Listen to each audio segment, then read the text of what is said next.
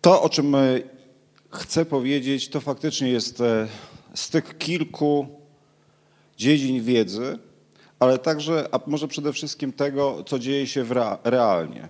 Bo bardzo często mimo wszystko jest tak, że nauka sobie, modele sobie, natomiast życie toczy się sobie. To, o czym chcę mówić, e, to jest świadomie z mojej strony, chociaż może się okazać, że nie mam racji, podczerniony obraz tego, co się dzieje dookoła nas w odniesieniu do polityki, zwłaszcza tej polityki e, współczesnej. Mam tutaj na myśli politykę nie tylko w wydaniu krajowym, ale ogólnoświatowym, czyli polityki, która e, coraz częściej zdaje się być na usługach marketingu politycznego. Jako taka zatraca swój sens, który miała przez e, no, ładnych parę wieków, czyli prowadzenia ludzi do realizacji swojego takiego niby podstawowego marzenia, czyli żeby żyło się przyjemniej, lepiej i łatwiej. I zresztą to wszystko, e, co wymieniłem, te kilka czynników, to jest paradoksalnie e, ta kwestia, co do której panuje powszechna zgoda na świecie. Jeżeli zapytamy polityków naszych z różnych partii, co chcą osiągnąć, to w zasadzie wszyscy powiedzą, że chcą, żeby była Polska krajem miodem i mlekiem płynącym żeby wszystkim żyło się wspaniale i cudnie. E, natomiast gdy dopiero wejdzie się w próbę zrozumienia, co przez to rozumieją, zaczynają się pewne problemy. To jest e, też podobna sytuacja, jak już w pewnym sensie w historycznych badaniach, które prowadził tu jeden z założycieli naszej szkoły, e, profesor Rejkowski, gdy pytano ludzi, czy popierają demokrację na początku lat 90., w zasadzie większość mówiła, że, znaczy zdecydowana większość, że popiera demokrację. Natomiast gdy zaczęto pytać, co rozumieją przez demokrację, to okazało się, że w zasadzie każdy człowiek co innego przez to demokrację rozumie. To, do czego zmierzam, to jest też baza dla pewnych działań e, związanych z czymś, co w języku psychologii w zasadzie pojęciem, które nie istnieje. My w psychologii nie mamy pojęcia manipulacja tak, jak ono funkcjonuje w życiu codziennym jako wprowadzanie kogoś w błąd, czy ewentualnie po to, aby osiągnąć własne cele. Ta różnorodność rozumień pozwala na zastosowanie różnych strategii, aby wpływać na ludzi i ukierunkowywać ich na określony sposób funkcjonowania w odniesieniu do polityki. E, ja kilka takich e, zjawisk chciałbym po prostu wskazać.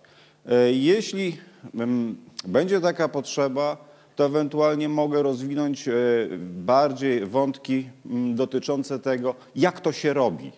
Chociaż mam nadzieję, że one tu będą e, wyraźne. Natomiast mi głównie chodzi o podkreślenie właśnie czego, to mam nadzieję, że się dosyć szybko okaże. E, całe moje wystąpienie chciałem za zacząć bardzo historycznie i oczywiście negatywnie, albo zapomniałem powiedzieć, że ja jestem klasycznym przykładem psychologii negatywnej. E, czyli psychologia pozytywna w takim wydaniu, które być może było tu prezentowane, e, no jakoś e, w odniesieniu do polityki, trudne jest do, do uprawiania, jeśli w ogóle możliwa. Chciałem zacząć od takiego obrazu. Jest to ilustracja do pewnej książki, która była wydana w XVII wieku, jednej z klasycznych utopii, w której, jak widać, osoba duchowna, no wtedy chyba wszyscy piszący byli duchowni, Tommaso Campanella stwierdził, że no, przyszły takie czasy, że wszystkie państwa ugrzęzły w nieszczęściu. I co gorsza, pokojem i błogosławieństwem ludzie nazywają obecne zło, jako że nie doświadczyli dobra, a światem, jak im się wydaje, rządzi przypadek. To, co dawno temu w odniesieniu do własnych jakichś pomysłów, jak powinno być zorganizowane społeczeństwo, tworzył e, Campanella, podkreśla jedną z tych, e, podkreśla jeden z tych elementów, które stają się współcześnie rdzeniem marketingu politycznego. Tego wykonywanego czy realizowanego z perspektywy bezkompromisowych kandydatów. To znaczy, co mam na myśli przez bezkompromisowych kandydatów? Mniej więcej od e, lat powiedzmy 50. zeszłego wieku zaczęto zastanawiać się tak bardziej na poważnie, dlaczego ludzie idą do polityki i kto z tych, którzy idą do polityki, wygrywa. I po różnego rodzaju y, debatach, wskazywaniu wielu różnych czynników tkwiących zarówno w osobach, jak i w środowisku, mniej więcej wniosek wyłonił się prosty, że można wyróżnić dwa typy polityków. Pierwszy typ to są ci zorientowani na to, aby coś zrobić. No w oryginale to było issue oriented. Drugi typ polityków to są tacy, którzy chcą rządzić, czyli winning oriented. I co się okazało? Że z reguły, gdy przychodzi do wyborów, wygrywają ci drudzy. To znaczy, można założyć, że są gotowi więcej poświęcić, ewentualnie na więcej się zgodzić, aby osiągnąć swój cel niż pierwszy typ. A to de facto oznacza, że z jednej strony następuje w pewnym sensie profesjonalizacja polityki, ale z drugiej strony to dążenie do władzy, do kierowania ludźmi też w pewnym sensie może prowadzić do zarządzania pewnym rozumieniem świata, czy pewną wizją świata, do przekształcania, to co zauważył Campanella dawno temu, rzeczywistości w pewną ułudę.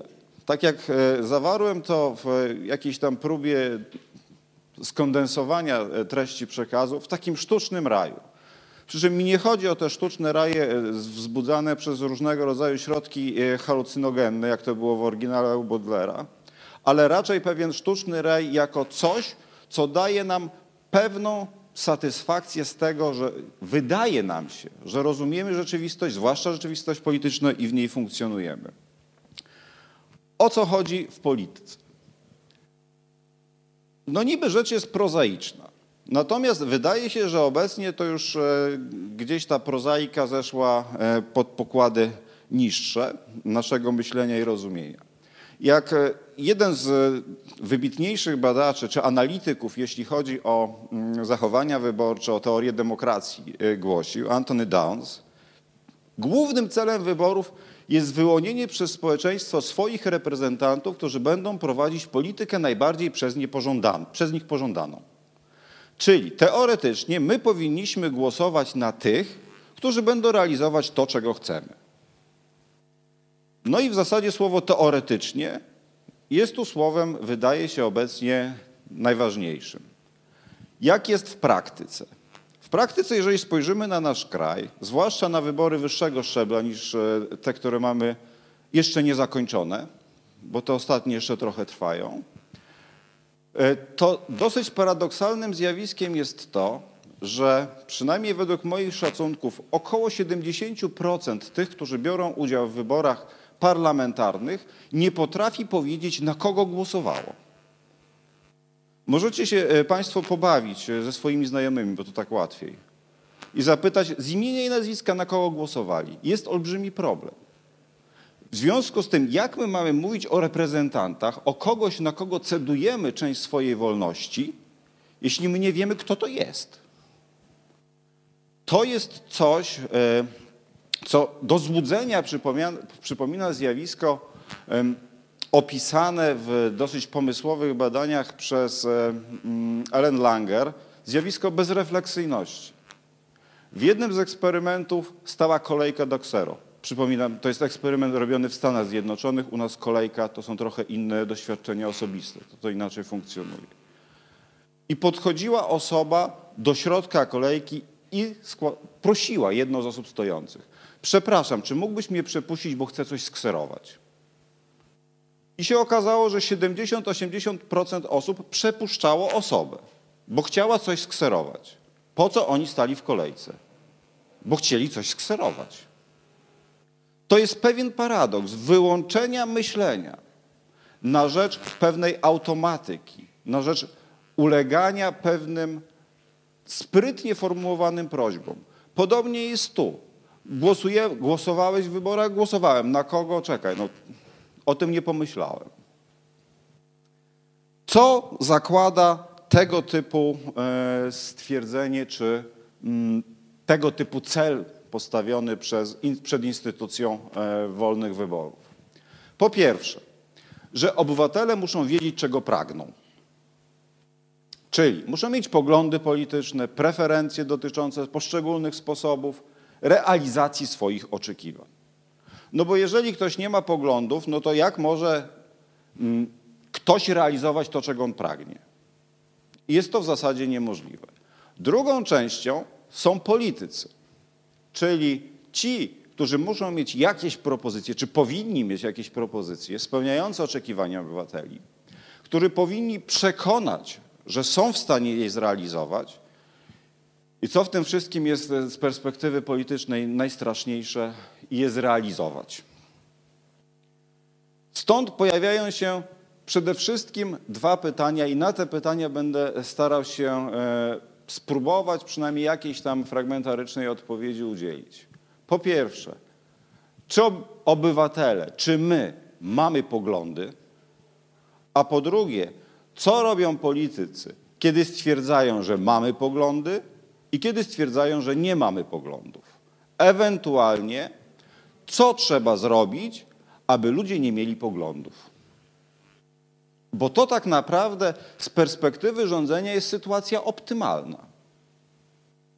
To jest zamienienie społeczeństwa obywatelskiego, przepraszam za wyrażenie, w stado baranów, którzy będą szli za głosem pasterza, który się pojawia albo znika, ale ten głos ciągle gdzieś, gdzieś wibruje.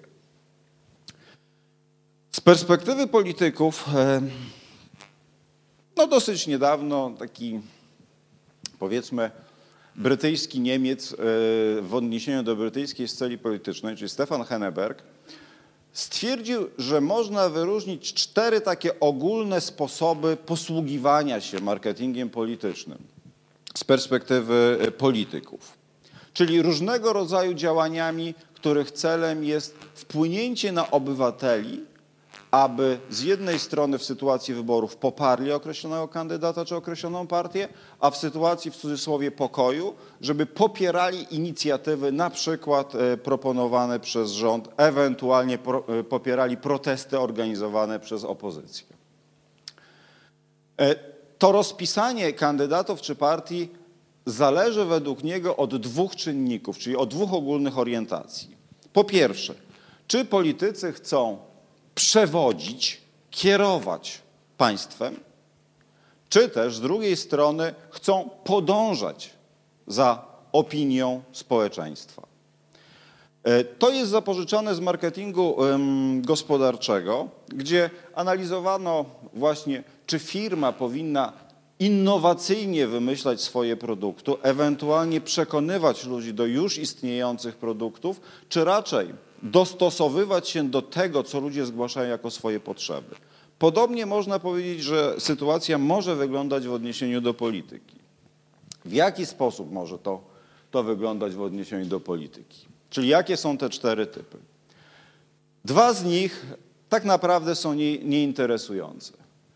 E, pierwszy z nich, gdy istnieje partia, która nie chce ani przewodzić, ani słuchać obywateli. Jej sens istnienia jest żaden. W Polsce tego typu partii spośród wszystkich istniejących jest, podejrzewam, w okolicach 90%. 90% partii nie jest zainteresowana ani tym, czego ludzie chcą, ani nie ma żadnego pomysłu, co robić.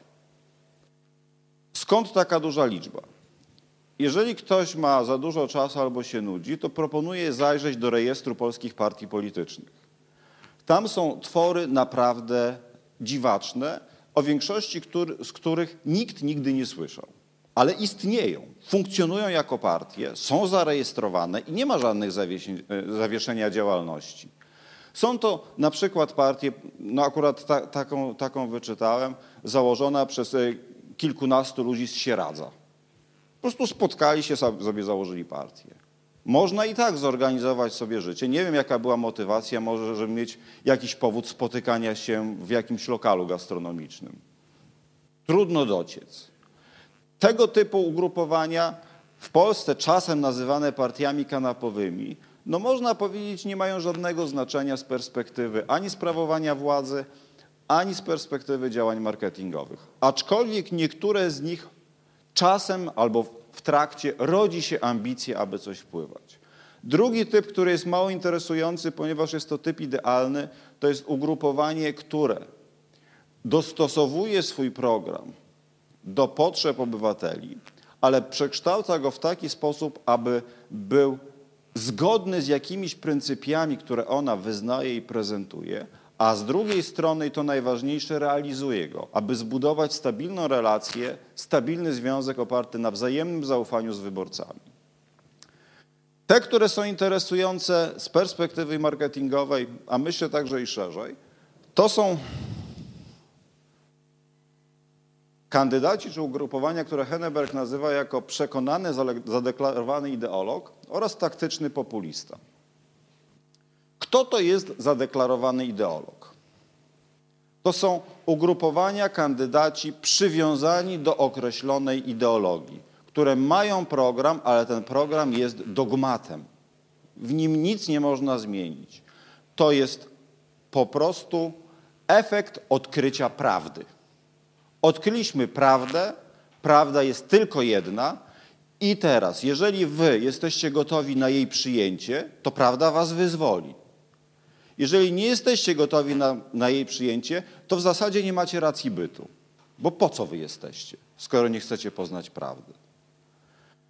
Ten wzorzec myślenia to jest jakaś klasyka autorytaryzmu czy skrajnych, zamkniętych ideologii, takich jaką w swoim czasie był faszyzm, który nie dopuszczał alternatywy, czy komunizm, który też alternatywy nie dopuszcza. Tego typu kandydaci po prostu znają wszystko. Z perspektywy wyborców, jeżeli kogoś nazywamy ideologiem, co to oznacza? Podobną rzecz, że on spostrzega rzeczywistość w zasadzie w sposób, czy ona w zasadzie w sposób czarno-biały. My znamy prawdę, oni to są nasi wrogowie. Oni prawdy nie znają, z nimi nie rozmawiamy. Jakby zniknęli, to byłoby nawet lepiej. Czy to jest dla tych ludzi dobre? W pewnym sensie jest to sytuacja fantastyczna, ponieważ rzeczywistość jest w pełni zrozumiała. Świat jest jasny, bo wiadomo, kto jest dobry, kto jest zły. Wiadomo, co jest dobre, co jest złe. Ja funkcjonuję w nim z pełnym zrozumieniem tego, co się wokół mnie dzieje. Natomiast, że to na poziomie wyższym może indukować agresję, złość, no to już jest niejako e, zupełnie inna historia. Te osoby, można powiedzieć, mają bardzo spójny system przekonań politycznych, ewentualnie nawet szerzej przekonań dotyczących życia. To trochę przypomina sytuację jak z teoriami spiskowymi. Jeżeli ktoś wierzy w teorię spiskową, teoria ta wyjaśnia mu wszystko, co dzieje się na świecie. Nawet jeśli dzieje się coś niezgodnego z teorią, to oznacza, że spisek jest bardziej zaawansowany niż się pierwotnie wydawało. To jest ten schemat myślenia i wnioskowania. Czy tego typu politykom potrzebny jest marketing polityczny? Nie. Im nie jest potrzebny marketing polityczny, ponieważ de facto tego typu e, myślenie nie uwzględnia tego, że ktoś ma jakieś inne potrzeby. Tu nie ma w ogóle żadnego sensu, aby rozpoznawać, co, co ludzie myślą, czego ludzie pragną. To jest nieistotne. Jeżeli nie przyjmujesz tej prawdy, którą ci objawiam, to w ogóle się to nie interesuje, to odejdź. Natomiast jak najbardziej w tej sytuacji mogą być wykorzystywane różnego rodzaju strategie propagandy czy perswazji. Czyli rozpoznając sposób funkcjonowania, górnolotnie mówiąc, ludzkiego umysłu, ja dostosowuję mój przekaz, aby ludzi w jakimś sensie zwieść albo nawrócić. W wersji skrajnej można by powiedzieć, że takim ideałem z tej perspektywy, czyli ujednolicenia myślenia społeczeństwa pod jednym sztandarem, to jest to, co współcześnie obserwujemy na przykład e, w obozach szkolących terrorystów. To jest narzucanie wizji rzeczywistości, która wyjaśnia wszystko. I w tym kontekście osoby wychowywane, po to świadomie podkreślam, w takim sposobie myślenia i rozumienia rzeczywistości, one są odporne na perswazję i na argumenty przeciwne do tego, o czym myślą, z jednej strony, a z drugiej strony są posłuszne tym, którzy ich prowadzą. Tu nie potrzeba marketingu politycznego. Tu potrzeba jedynie pewnych technik zmieniających sposób funkcjonowania w rzeczywistości. Na drugim krańcu e, są taktyczni populiści. W wersji skrajnej kto to jest taktyczny populista? Ktoś, kto zastanawia się nad tym, czego pragną obywatele czy wyborcy, a następnie tak tworzy program, by im to dać. Z tej perspektywy, przy takim zdefiniowaniu, proszę też zwrócić uwagę na to, że w zasadzie w polityce ogólnoświatowej obecnie mamy samych populistów. I nie jest to w tym przypadku, o którym ja mówię, termin negatywny, pejoratywny, ale to jest stwierdzenie pewnego faktu. No jeżeli dostosowujesz swój program do wyborców, no to oznacza, że ich słuchasz. Czyli głosisz to, czego chcą pragnąć, y, czego pragną. Z innej strony przecież to jest spełnienie ideału demokracji. Dlaczego populizm określa się jako coś złego, skoro to jest dokładnie kwintesencja demokracji? Dać ludziom to, czego pragną. Jaki problem te partie mają? E, przede wszystkim to jest problem tożsamościowy. No bo jeżeli ja w jednym roku obiecuję coś, a w kolejnych wyborach obiecuję kompletnie coś innego, to moja wiarygodność jest żadna. To nie jest coś stabilnego. Mało tego. To są też ugrupowania, które opierają cały swój sens istnienia na marketingu politycznym, na procesach segmentacji, rozpoznawania potrzeb, profilowania, tworzenia e, strategii dla konkretnych rynków docelowych, konstruowania reklam, e, na rozpoznawaniu w maksymalnie mm, precyzyjny sposób tego, co ludzie chcą i jak funkcjonują. I to jest pewne zderzenie, że coś z perspektywy, mm, powiedzmy, myślenia potocznego jest jakoś obarczone dużym negatywizmem, czyli ten taktyczny populista, to jest z perspektywy marketingowej najlepszy klient. Bo on chce wygrać. Natomiast marketing nie jest ani moralnie zły, ani moralnie dobry. To są narzędzia. Problem leży w intencji, w której wykorzystywane są te różne strategie. Stąd politycy zorientowani na zwycięstwo mogą posiłkować się właśnie tego typu działaniami w sposób permanentny, aby osiągać swoje cele, czyli władzę. Zwróćcie też Państwo uwagę, że tu nie ma w ogóle żadnego zastanowienia e, nad tym, czy to w ogóle ma jakiś sens głębszy. Ja to robię, by wygrać. I tyle. I kropka. E, to, co zauważył Henneberg, analizując wybory brytyjskie i, i zachowanie brytyjskich partii, to jest to, że im bliżej wyborów, tym następuje przesuwanie się w tym kierunku. Po wyborach, jeżeli partie mają rzeczywiście jakiś rdzeń ideologiczny, następuje powrót na górę. Po czym zbliżają się następne wybory, znów idzie w dół. No i to jest pewna, pewna cykliczność. E, to w odniesieniu do sceny polskiej, sceny politycznej, no można próbować dookreślić, które ugrupowania są które. Oczywiście typów czystych przynajmniej według mnie nie ma. Są typy bardziej po tej stronie, bardziej po tej stronie. E, tu zacytuję Andrzeja Olechowskiego, którego przed e, jeszcze katastrofą smoleńską, gdy był kandydatem w wyborach prezydenckich w 2010 roku, zapytano, czego nie lubi w Platformie, a co lubi w PiSie. Pomijając już tam, że może mieć jakieś urazy osobiście, Andrzej Ocholski powiedział tak, w Platformie nie ma czegoś takiego, za co mogłaby się dać zabić. W PiSie są takie rzeczy. Dodając do tego język biologiczny, można powiedzieć, że taktyczny populista to jest polityczna ameba. Ktoś, kto dostosowuje się kształtem do tego, do tej formy, w której funkcjonuje. Czy to jest dobre, czy złe? To jest kwestia osądu już z innej perspektywy. Żeby nie było, politykom jest trudno. Jest trudno, ponieważ w trakcie funkcjonowania, a zwłaszcza w trakcie wyboru, poddawani są, czy inaczej odczuwają na sobie presję płynącą z dwóch stron, czy z dwóch tak jakby sił, które e, Lance Bennett dookreślił i nazwał. Pierwsze z nich nazwał pewnymi siłami czy wymogami rytualistycznymi. Co jest największym wymogiem rytuału wyborczego według niego? Ano to, że kandydat musi mieć program.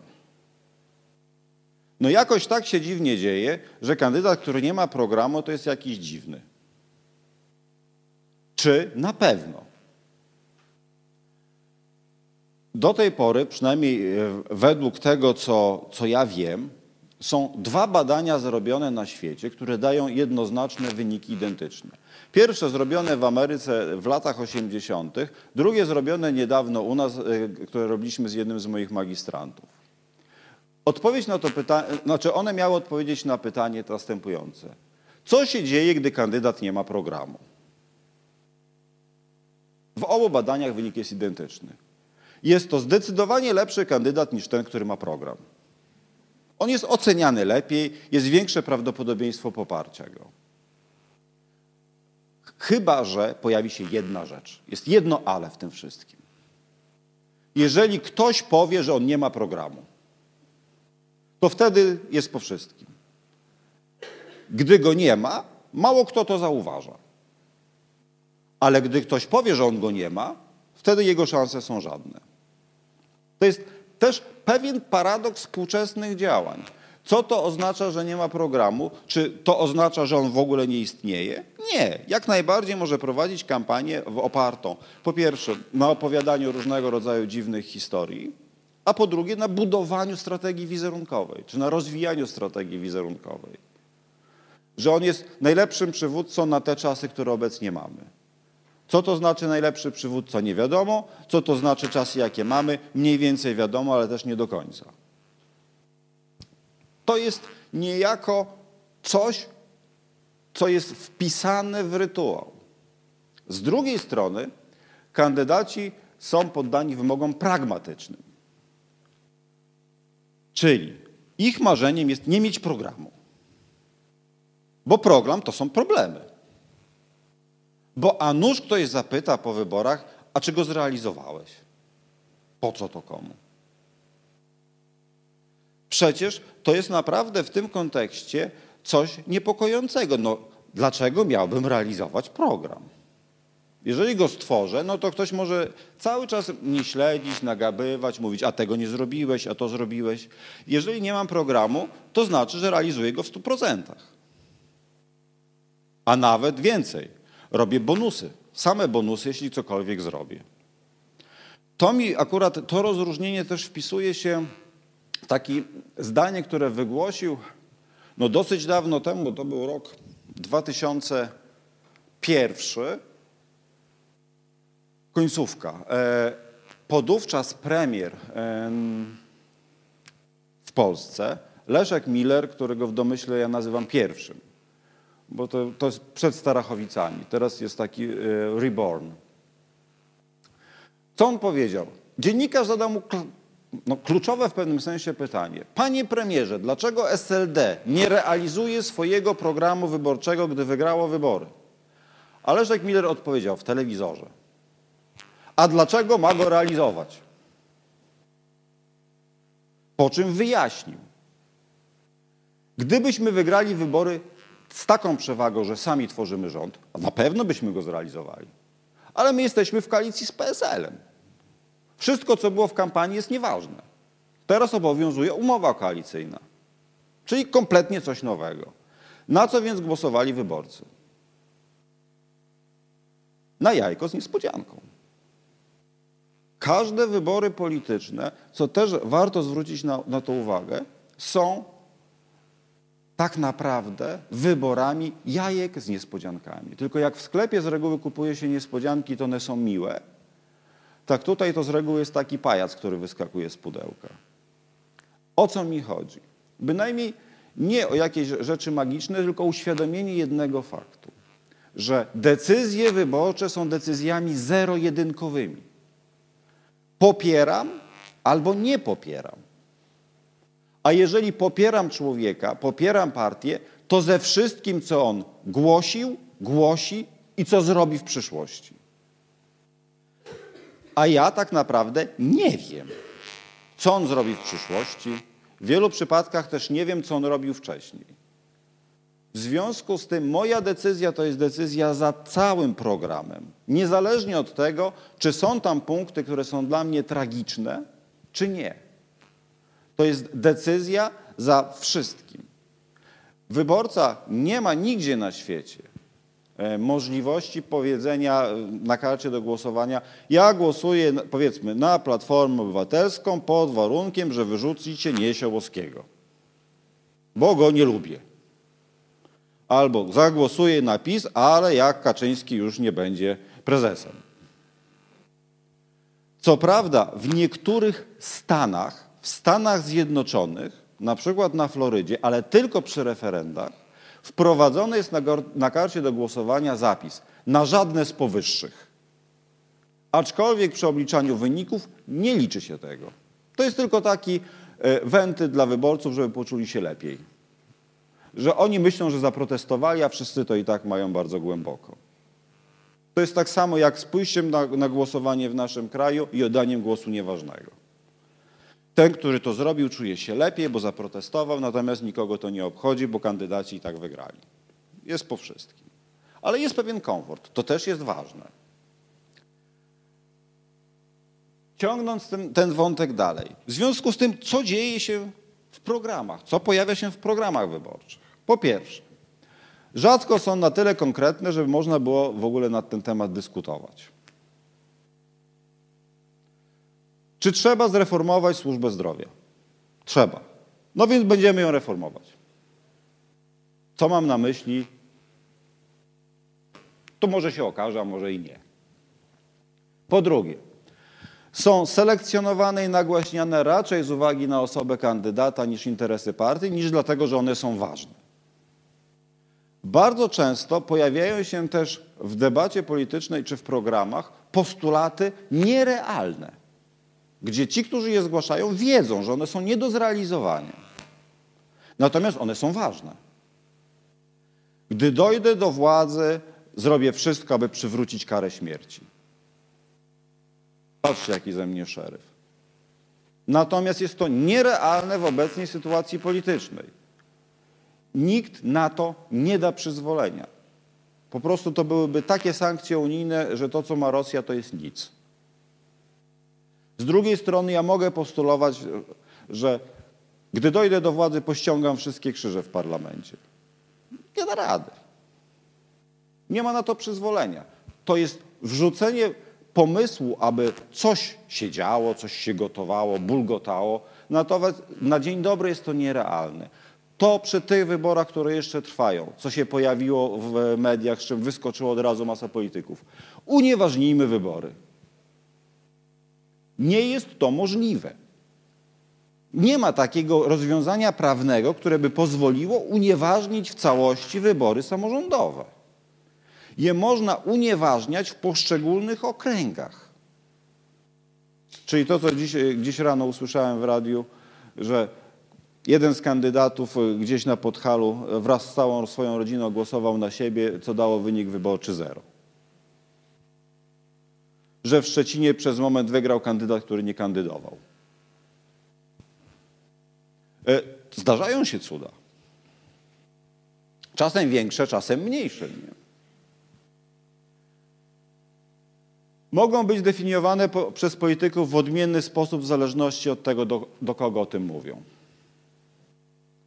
Czyli, jeżeli rozmawiam z pielęgniarkami, to mogę zapłakać na ich losem. Ale gdy rozmawiam z lekarzami, to pielęgniarki w zasadzie są nieistotne. To samo jest uwarunkowane publicznością, do której się zwracam. E, mało tego, czasem wręcz opłaca się mówić wbrew temu, co się myśli. Bo też pokazują badania, można dzięki temu stać się takim politycznym maverickiem, tak to się w ogóle nazywa. Czyli kimś, który owszem jest w jakiejś partii, ale on jest niezależny. On wykazuje własny, niezależny styl myślenia. Co bardzo często jest też strategią takiego sztucznego pompowania własnego wizerunku, własnej niezależności, siły, wspaniałości. Wypowiedzi na temat tych problemów rzadko są e, sformułowane w sposób niosący kontrowersje czy niosący ryzyko zrujnowania publicznego wizerunku kandydata. To za chwileczkę pokażę bardziej, w czym jest rzecz. To znaczy, kiedy się opłaca w, w społeczeństwie wywoływać podziały, to się opłaca. Natomiast w większości kwestii lepiej nie jątrzyć, bo to, co chcę zrealizować, gdy dojdę do władzy, może wcale nie być takie popularne to po co mam na dzień dobry przekreślać swoje szanse, swoje ambicje? Są często połączone z twierdzeniami dotyczącymi cech przeciwnika lub na temat tego, co powinno, na czym opin, op, powinno opierać się przywództwo polityczne. Ja, proszę Państwa, kandyduję, ponieważ według mnie przywódca polityczny powinien być kompetentny i moralny. Koniec mojego przekazu. W związku z tym wiemy, bardzo łatwo zresztą to wywnioskować ze sloganów, z wypowiedzi polityków, jaki według nich powinien być przywódca w tym kraju. Natomiast co to oznacza konkretnie, to już trochę mniej wiadomo. W trakcie kampanii z reguły poruszanych jest niewiele kwestii, koncentrują się na kilku wybranych zagadnieniach, pozostałe pomijają.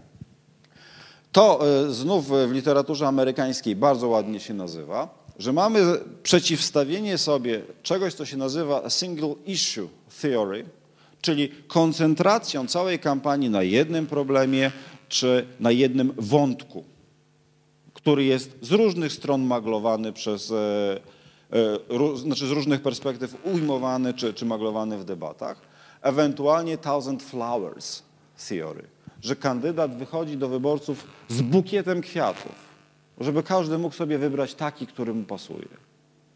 Czyli rozbudowuje program. Okazuje się, że z reguły ci z tysiącem kwiatów przegrywają z kretesem. Bo po pierwsze, wbrew pozorom, e, jasne, że wyborca łatwiej tam odnajdzie coś dla siebie, ale również może łatwiej odnaleźć coś nie dla siebie. A po drugie, otwierają tysiąc frontów do ataku. Jeżeli ja mam program składający się z jednego punktu, ja mam stuprocentową pewność, gdzie będę atakowany. Nie ma innego wariantu. To musi być ten punkt. W konsekwencji to, co pokazałem o, o tych problemach, to, co mówiłem o eksperymencie z kserem, przekłada się na, na pewne strategie, które no nie to, że wizjonersko przewidywał, bo niby to zaobserwował. Mm, z jednej strony e, Psycholog to za dużo powiedziane może. To jest psychoanalityk, bardzo znana postać, Erich Fromm, popularna, psychoanalityk niemiecki ze szkoły myślenia marksistowskiej, analizujący e, kampanię Hitlera. I on zauważył kilka ważnych rzeczy, które w zasadzie no, też jakąś tam wielką, e, wielkim odkryciem nie są, ale paradoksalnie one są na porządku dziennych dzisiaj, porządku dziennym dzisiaj. Te strategie, które opracowywał Józef Goebbels dla Hitlera, one działają teraz. One są wykorzystywane teraz. Troszkę podrasowane, czasem bardziej zaawansowane. Natomiast strategie oddziaływania na ludzi aż tak mocno, jeśli chodzi o swoją istotę, się nie zmieniają. Co stwierdził Fromm? Po pierwsze, zdecydowanie jest łatwiej rządzić społeczeństwem, które wykazuje niechęć do samodzielnego myślenia.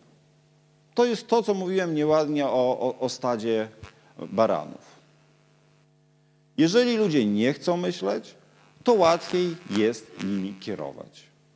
Przez emocje, ewentualnie wzbudzać koncentrację na pewnych problemach, całkowicie ukrywając inne. W jaki sposób można to osiągnąć? No można to osiągnąć, jak nazwał to Fromm, paraliżując krytyczne myślenie bądź mówiąc językiem e, współcześniejszym, jako zaszczepianie bezrefleksyjności. Innymi słowy, przekaz skierowany do społeczeństwa. Co będziesz myślał? No nie masz co robić. Jest tyle fajnych rzeczy. A ty będziesz myślał? Przecież jesteś zmęczony. Zajmij się czymś radosnym. Poglądaj coś fajnego w telewizji. Taniec jakiś, z lodem, bez lodu, nieważne. Jest przyjemnie, jest miło. A zastanawiać się, po co? Skąd się to bierze? Po pierwsze, już w początkach wychowania zniechęca się ludzi do samodzielnego myślenia, wtłacza im do głowy gotowe myśli. System edukacji jest systemem, jakby na to nie patrzeć, politycznym. Tu jest też polityka. To nie tylko, żeby wychować ludzi myślących. No jeżeli ja dwa, dwa, dwa, dwóch ministrów edukacji wstecz narodowej, po kolejnej reformie em, em, matur i kolejnej oczywiście udanej, słyszę od wiceministra w radio, czyli podejrzewam nie tylko ja, następującą wypowiedź. Obecnie każdy podchodzący do, do e, egzaminu maturalnego, egzaminu dojrzałości powinien znać dziewięć lektur i zaczyna wymieniać. Bogu rodzica. Mi się zasoby poznawcze wyczerpały, reszty nie znam. To o czym my mówimy? To jest właśnie uczenie niemyślenia. Może to nazywać inaczej, różnie. Dostosowanie do rynku pracy. Bo to jest w tej chwili modne i zwróćcie uwagę, że to jest tak naprawdę realizacja klasycznej myśli marksistowskiej. Człowiek jest po to, by pracować. Można to nazwać ratowaniem systemu emerytur. Bo wiadomo, że nasz system emerytur jest, powiedzmy, intrygujący. O tak. Natomiast już wtedy, kiedy kształtuje się sposób rozumienia rzeczywistości, można do czegoś ludzi skłonić. Mogą to być rzeczy, które ogólnie są pozytywne. Można nauczyć już wtedy obywatelskiego obowiązku, zaangażowania na rzecz demokracji, tak jak jest w Stanach Zjednoczonych. Gdy Amerykanin słyszy hymn, wstaje ręka na serce. Gdy Polak słyszy hymn, to się rozgląda. Nie? Trzeba zobaczyć, co się dzieje. To jest mniej więcej ta różnica. Aczkolwiek, co jest paradoksalne, obywatelski obowiązek coś fajnego. Jaki jest skutek uboczny? Że ja pójdę na wybory, chociaż wiem, że startują dwie sieroty. I to pokazują badania. Startuje dwóch kandydatów kompletnie do niczego się nie nadających. Obywatelski obowiązek skłania, że głosuje na któregoś z nich. A gdzie to, co postulował Darwin? Instynkt samozachowawczy. Nie ma. Drugi pomysł. Przekonanie obywateli, że jakieś kwestie są zbyt skomplikowane, aby przeciętna jednostka mogła je zrozumieć. Przedstawianie czegoś jako bardzo, yy, przedstawione jest jako coś, zawiłe, coś zawiłego, czego zrozumienie wymaga eksperckiej wiedzy. To jest tak trudne, że zaufajcie mi. Ja wiem, o czym mówię. A jak mimo wszystko chcecie, żebym wam to opowiedział, to ja wam to opowiem. Zaraz będzie przykład. Trzecie, niszczenie wszelkich ustrukturalizowanych obrazów świata. Czyli tego, co mówiłem przy okazji systemu przekonań, który jest spójny, zwarty, wyjaśnia wszystko. Jeżeli ja to porozbijam, to mam do czynienia z człowiekiem, którego umysł poglądów wygląda jak ospa. Po prostu są takie kropki, które są ze sobą niepowiązane. To też za chwileczkę rozwinę. Rezultatem może być albo cynizm i sceptycyzm wobec wszystkiego, co mówią politycy, albo dziecinna wiara we wszystko, co oni sugerują. Najpierw trochę o tym przekonywaniu, że rzeczywistość jest trudna. Słabo widać, to jest kadr z roku 1984 z filmu. E, Orwell zainspirował wielu. Co prawda on był początkowo wielkim zwolennikiem Stalina, ale dosyć szybko mu przeszło, jak na chwilę pojechał do Związku Sowieckiego. No i potem zaczął trochę w drugą stronę wszystko pisać.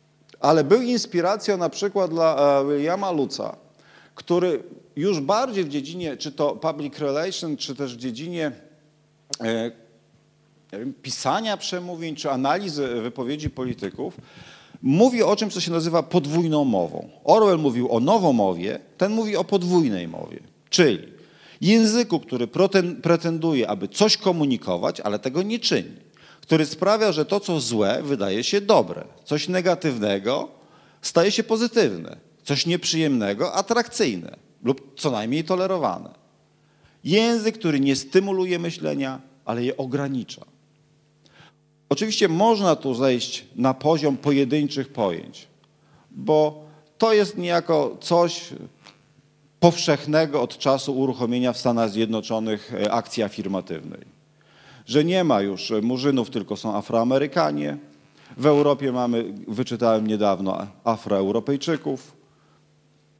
I możemy to kontynuować. To o to chodzi na poziomie słów. A na poziomie ogólniejszym o, cytat.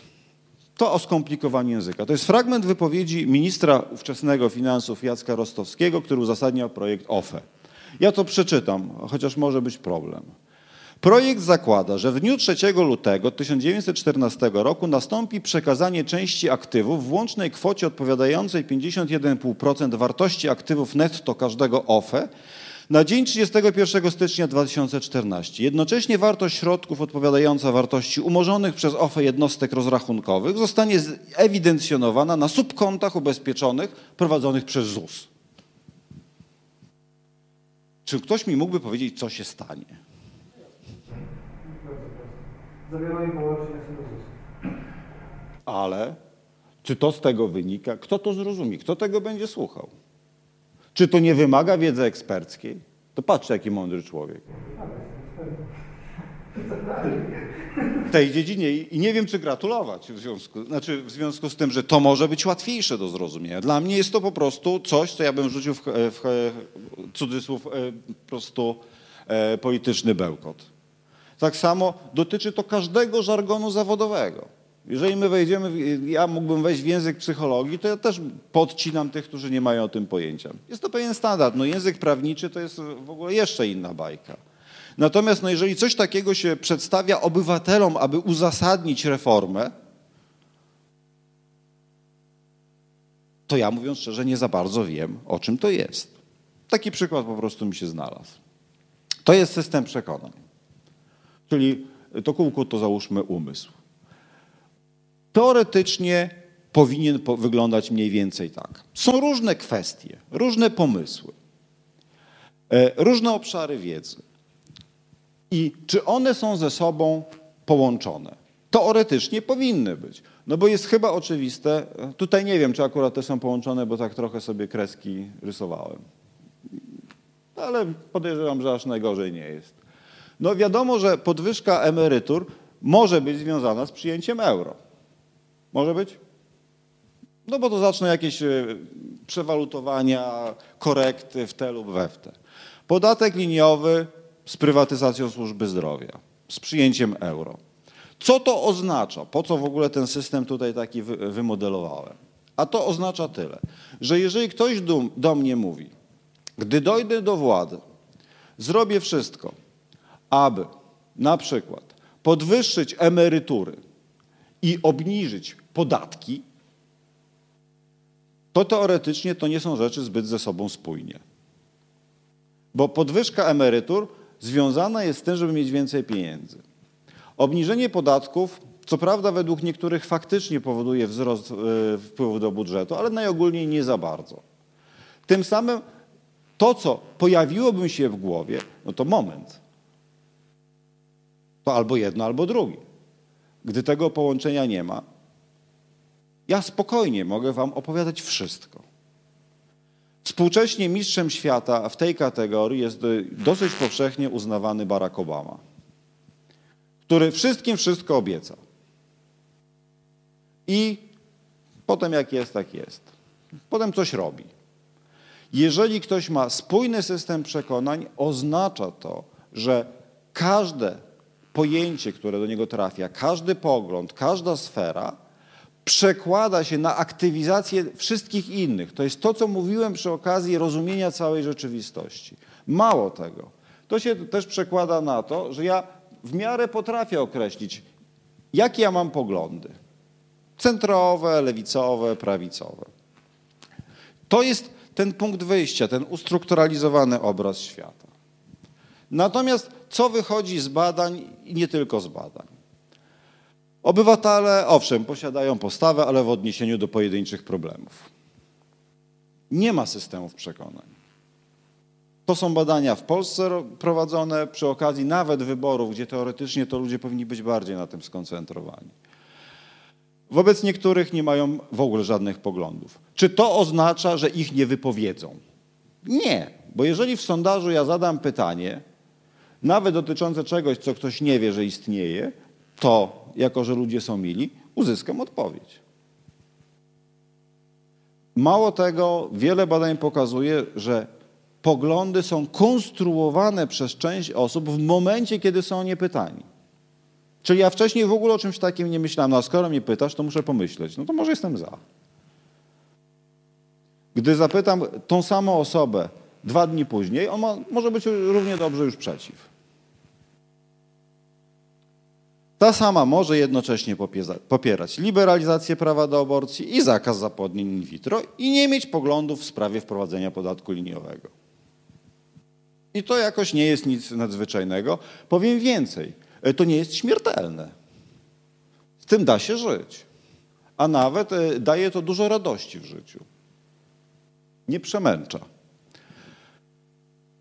Dzięki temu e, tworzą się coś, co no jeden z pionierów też psychologii politycznej, Converse, nazwał issue publics tworzą się publiczności problemowe. I dana osoba w zależności od tego, co jest akurat modne na topie, jest raz w jednej, raz w drugiej. Ewentualnie jednocześnie w kilku innych. Z kolei no, no jeden z badaczy wybitniejszych, jeśli chodzi o język, a zwłaszcza metaforykę, George Lakoff, mówi, że mamy tu do czynienia z silosami problemowymi. Po prostu coś przez rację tego, że bardzo często ze sobą razem jest poruszane w mediach przez polityków, tworzy wiązkę, gdy tak naprawdę to nie ma żadnego związku ze sobą. To porozbijanie systemu przekonań, no jak to nazwałem, ospę, umożliwia łatwiejsze kierowanie ludzkim myśleniem. Ponieważ ja mogę swobodnie mówić rzeczy, które są ze sobą sprzeczne. Ja mogę przekonywać ludzi do rzeczy nierealizowalnych, aczkolwiek tworzyć w nich przekonanie, że jestem fantastycznym człowiekiem, bo naprawdę to jestem ja, tylko ja, który jest w stanie zaspokoić ich pragnienia czy pomysły. To, o czym tu mówię, jeszcze jest czasem od innej strony określane mm, jako metaforyczna polityka czyli rozumienie, interpretacja, ocena tego, co mówią politycy, ale też tego, jak myślą e, wyborcy, polega na posługiwaniu się pewnymi metaforami czy ramami poznawczymi. Ramy poznawcze, prawa społeczne, obligacja wspólnotowa, kryzys, prawa rynku, profesjonalizm to są hasła, które na przykład mówią Polsce potrzebny jest rząd fachowców. Kto jest fachowcem? Polityce? To jest naprawdę bardzo trudne pytanie, ja na nie jeszcze jakoś e, nie za bardzo znam odpowiedź. Metaforyka polityczna. O co może chodzić? O to, że możemy budować drugą Japonię, możemy drugą Irlandię budować, możemy budować czwartą Rzeczpospolitą, a może wróćmy do podstawowego hasła polskiej romantycznej myśli politycznej czy geopolitycznej. Czas najwyższy, no mamy okazję zostać Mesjaszem narodów. Co to oznacza? Czy o te dwa oznaczają, że będziemy z Polski robić wyspę? To jest w ogóle ciekawe, że jak z Polski chce się jakiś kraj robić, to z reguły wyspę. Nie wiem o co chodzi jeszcze. A może chodzi, że będziemy dostosowywać ceny w sklepach. A może, że w naszym kraju, no mówiąc o Irlandii, e, nie będzie można kupić e, normalnego piwa, tylko jakieś ciemne. A może chodzi o to, że dostosujemy system podatkowy do tamtego. O co chodzi? Mesjaszem narodów. Czy wszystkich? A może któregoś tak przy okazji nie zbawimy, bo go nie lubimy? To jest pewien schemat myślenia. Przerzucenie polityki w sposób, w taką sferę, która niby jest łatwo zrozumiana. bo metafory najogólniej ludzie jakoś rozumieją. Natomiast co się pod nimi kryje tak naprawdę, to już nie jest proste. Dlatego z perspektywy polityka najlepiej mieć program wyborczy, którego nikt nie czyta. Napisany profesjonalnym językiem albo długi. Przez długość programu można bardzo łatwo zniechęcić ludzi do czytania. A mało tego, wówczas ma się dodatkowego bonusa w postaci takiej, że no długi program to tam musi być dużo mądrości. W myśl zasady czy heurystyki w tym przypadku. Im więcej, tym lepiej. No jak program jest na trzech kartkach, to co tam może być? Pięć punktów to program? Żaden. Ale z drugiej strony właśnie im dłuższy, tym raczej mniej osób po niego sięgnie. Z drugiej strony tu już jest też tkwi jedna rzecz oczywista. Kto czyta programy polityczne? Nie, nawet to nie. Podejrzewam, że, że nikt albo prawie nikt. Nie zawsze. Ewentualnie jak się podzielą po kawałku. Niektórzy, ale też raczej nie w całości. Bo tu jeszcze cała nadzieja w dziennikarzach, bo to czasem dziennikarze pokazują, że są wewnątrz sprzeczności. Ewentualnie właśnie tak jak mówiłem, jakieś jajka z niespodzianką. Ale ludziom się nie chce. A nawet jeśli przeczytam jeden, no to do czego to odniosę? No wypadałoby poznać jeszcze parę innych. Za chwilę pokażę, ile miały w ostatnich wyborach parlamentarnych programy głównych partii politycznych. Powinien być jednopunktowy czy sprowadzony do jednego tematu. I takie tematy wiodące mamy. Bo zobaczcie, jak te tematy zajmują ludzi. Przez ile czasu my w tym kraju walczyliśmy z pijanymi kierowcami. Po tym, co stało się e, pod kamieniem pomorskim. Kto powiedział Polakom, ewentualnie w jaki sposób, czy, czy inaczej, czy dotarło to do nas, że w 2013 roku liczba przestępstw spowodowanych przez pijanych kierowców w Polsce gwałtownie spadła. Czego konsekwencją jest po wydarzeniach w Kamieniu Pomorskim zaostrzenie prawa. Takich ciekawostek jest wiele. W naszym kraju mamy różne akcje tego typu. Teraz żyjemy wyborami i różnego rodzaju pomysłami. Mieliśmy przed wyborami w Parlamencie Europejskim, gdzie wielu się za, za, e, zastanawiało, co się będzie działo, finał Eurowizji, który w bardzo mocnym stopniu oddziałał na polską politykę. A w zasadzie osoba, która go zwyciężyła. Osoba tu posługuje się w kontekście neutralnym płciowo. Jeden punkt, jedna myśl, z którego nic wiążącego nie wynika. Czyli najlepiej skonstruować program, w którym obiecuje się coś, jednocześnie nie obiecując nic. I to jest rozwiązanie tego dylematu: rytuał czy pragmatyka. Stąd kandydaci permanentnie, jak to nazwali Dallas i Kubi, stosują zasłony dymne. Formują programy tak, aby zredukować zdolności swoich oponentów, jak też wyborców do oceny i zrozumienia tego, o czym mówią. Z drugiej strony, kampanie w coraz większym stopniu stają się bezproblemowe. W tym sensie, że politycy wypowiadają się wieloznacznie i trudno jest określić, czy w ogóle mają jakiś program. To jest niejako, żeby zobrazować, w czym jest rzecz, dlaczego warto wypowiadać się wieloznacznie. Wyobraźcie sobie kandydata, który głosi taką tezę. Gdy dojdę do władzy, będzie liberalizacja prawa do aborcji. Dla równowagi. Gdy dojdę do władzy, będzie prawny zakaz aborcji. Co się dzieje z słuchaczami? Ci, którzy się ze mną zgadzają, mówią, to jest bardzo mądry człowiek. Dokładnie tak trzeba zrobić. Ci, którzy się ze mną nie zgadzają, mówią, hmm, gdyby ta aborcja wcześniej była jakaś taka popularna, to może by gościa nie było. Jest, no cóż, może by go jakoś usunąć. następuje polaryzacja. Czyli zwolennicy stają się większymi zwolennikami, przeciwnicy stają się bardziej zagorzałymi przeciwnikami. Najwięcej zawsze jest w środku, czyli osób wcale nie o radykalnych poglądach. Co oni robią?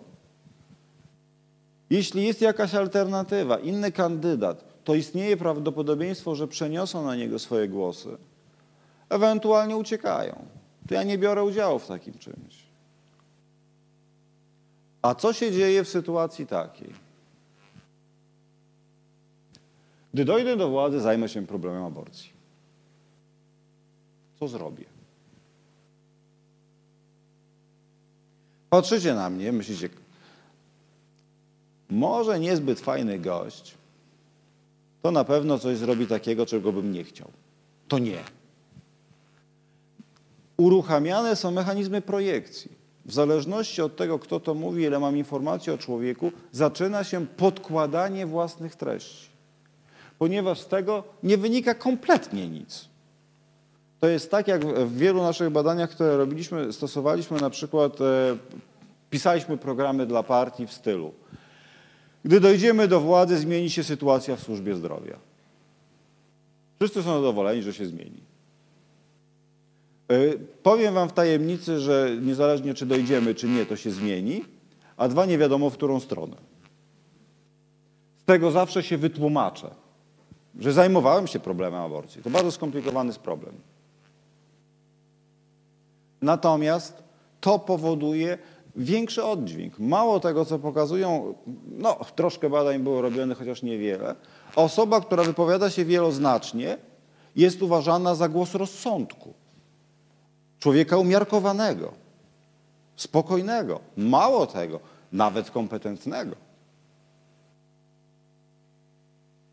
Przykłady. Mówiłem, że będą przykłady z programów e, polskich partii politycznych. Zwracam uwagę, to jest e, PiS, 256 stron. Porządne dzieło. Problem jest, kiedy wszyscy są mądrzy. Nowoczesna Polska, pierwszy punkt, tak dla przykładu. To kraj cieszący się szybkim, zrównoważonym rozwojem gospodarczym, który pozwoli nam osiągnąć poziom życia zbliżony do dobrobytu tzw. Tak starej Unii. Kraj ludzi odnoszących sukcesy dzięki umiejętności efektywnego korzystania z wiedzy, w tym z najnowszych narzędzi teleinformatycznych. Trudno się nie zgodzić. Robiliśmy badania też takie, że braliśmy fragmenty programów polskich partii politycznych i pytaliśmy ludzi, jaka to partia jest. Zapewniam was, że było całe spektrum. Młodzież kontra, widzowie zadali jakby pomocy PiSu, tak przytoczyli mu, że niby jest jego fragment i kazali się do niego odnieść, nieco co on o tym sądzi. A to był, znaczy był z PiSu poseł, a to był zasadny fragment i tak zaczął go bronić. E, to jest standard. Akurat tego typu badań na świecie zrobiono cała masa. My ją też robiliśmy. Na przykład badania amerykańskie były takie, że ludzie słuchają kandydata, jeśli nie wiedzą z jakiej jest partii. Jak wiedzą z jakiej jest partii, to go przestają słuchać. Bo i tak wiadomo, co powie. Nie? U nas jest tak samo. No przecież jak widzę kogoś z partii, której nie lubię, to po co mam go słuchać, skoro wiem, że się z nim nie zgadzam? Ci przegrali. Nie ma co. Tylko 194 strony. Także to, ale można poczytać. We współczesnym świecie warunkiem inteligentnego rozwoju, inteligentnego rozwoju każdego kraju stały się kreatywność ludzi, innowacyjność gospodarki. W Platformie Obywatelskiej jesteśmy przekonani, że bez dobrze wykształconych kompetentnych pracowników, innowacyjnych przedsiębiorców pracujących na najwyższym poziomie naukowców, kreatywnych artystów, architektów, przedstawicieli wszystkich zawodów nie może być mowy o szybkim i trwałym rozwoju Polski. Musimy stworzyć nowoczesny system edukacji, od przedszkola do pracy zawodowej. Potem już nie. Dobre warunki do transferu osiągnięć naukowców do przemysłu, wesprzeć artystów, zwiększając dostęp do kultury. A i zwiększyć dostęp do kultury, bo to nie artystów chyba. Wreszcie zbudować Polskę cyfrową. Wiem, jak to zrobić.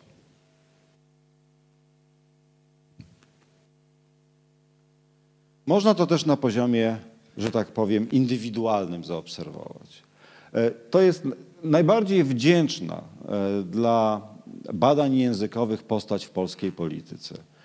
Problem polega na tym, że tak jak na przykład w Stanach Zjednoczonych jest naprawdę kilkanaście książek wydanych po, po George'u Bushu juniorze o tytule Buszyzm. Bo to, co on opowiadał, to było naprawdę wysoka półka. Mu się myliło wszystko, co tylko da się pomylić. E, natomiast Lech Wałęsa szedł innym tropem. To są, to są jego pomysły. I co z tego wynika? Plusy Unii Europejskiej mają swoje plusy i minusy. Są plusy dodatnie, plusy ujemne, to wiadomo, klasyka. Gdyby w jeziorze były ryby, wędkowanie nie miałoby sensu. A jak się nie wie, co się buduje, to nawet szałasu nie można rozbierać, bo deszcz na głowę będzie padał.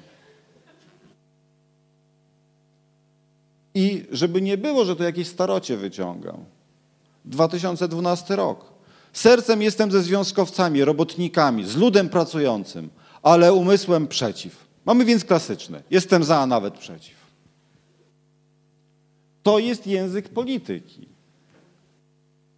I to w pewnym sensie działa. Przy czym działa też z jeszcze jednego powodu. To taka postać chyba historyczna, na którą nanoszę myśl niezwiązaną z tą postacią. Czyli myśl amerykańskiego badacza, w zasadzie organizacji, który stwierdził coś takiego. Mówiący wieloznacznie, który jest uważany za wiarygodnego, może być nazwany prorokiem. Lecz identycznie wyrażający się mówca o niskiej wiarygodności może być określony jako głupiec. Innymi słowy, to, co sprawia, że będę wizjonerem, mówiąc nie wiadomo o czym, to w dużej stopniu mój wizerunek, który można osiągnąć na dwa sposoby. Można się z nim urodzić. No z perspektywy marketingowej zadanie jest trudne, bo trzeba by posiłkować się eugeniką, klonowaniem, hodowlą ludzi. Taka szkółka kandydatów na prezydenta czy prezydentów. Ewentualnie można pójść innym tropem, czyli budować wizerunek kogoś, kto będzie uznawany za posiadacza cech. On ich nie ma, ale ludziom się wydaje, że je ma. I reagują na niego tak, jakby miał. W ten sposób, odchodząc do wizerunku, no można powiedzieć, że to jest w zasadzie jakieś oszustwo. Ale zapewniam Was, że do pewnego momentu tylko. Bo Czasem niestety politycy się też uczą. I bardzo często treningi, którym są poddawani, zmiany zachowania nie pozostają bez konsekwencji dla ich normalnego funkcjonowania. Oni zmieniają się w ogóle. Co to jest wizerunek polityka? Tworzone w określonym celu, szczególnego rodzaju wyobrażenie, które ma wywoływać skojarzenia poprzez przydanie dodatkowych wartości i przyczyniać się do emocjonalnego odbioru obiektu. Nie musi znajdować uzasadnienia w realnych cechach obiektu. Wystarczy, że ma znaczenie dla, dla wyborców. Są badania, są analizy, jest praktyka pokazująca, że program tworzy się, program polityczny tworzy się z takich haseł, które odpowiadają określonych cechom wizerunku. Czyli jeśli ja chcę być uznawany za szeryfa, to mogę powiedzieć tak, jak mówiłem. Wprowadzę karę śmierci. Z drugiej strony, jeśli chcę być za człowieka troskliwego, los ludzi bezdomnych nie jest mi obcy. Będę się nimi zajmował, bo tak każe mi moje serce. Czy ja to zrealizuję, w ogóle nie, nie wiadomo, ale chodzi o to, aby przez prezentację różnego rodzaju wydarzeń, zjawisk, zachowań budować swój wizerunek. To oczywiście może przy, przynieść efekt taki, jak w naszym kraju mieliśmy z, w Mysłowicach, gdzie była chyba jedna z najbarwniejszych postaci w polskiej polityce. Były prezydent miasta, y, skazany prawomocnym wyrokiem za to, że sam na siebie zorganizował napad.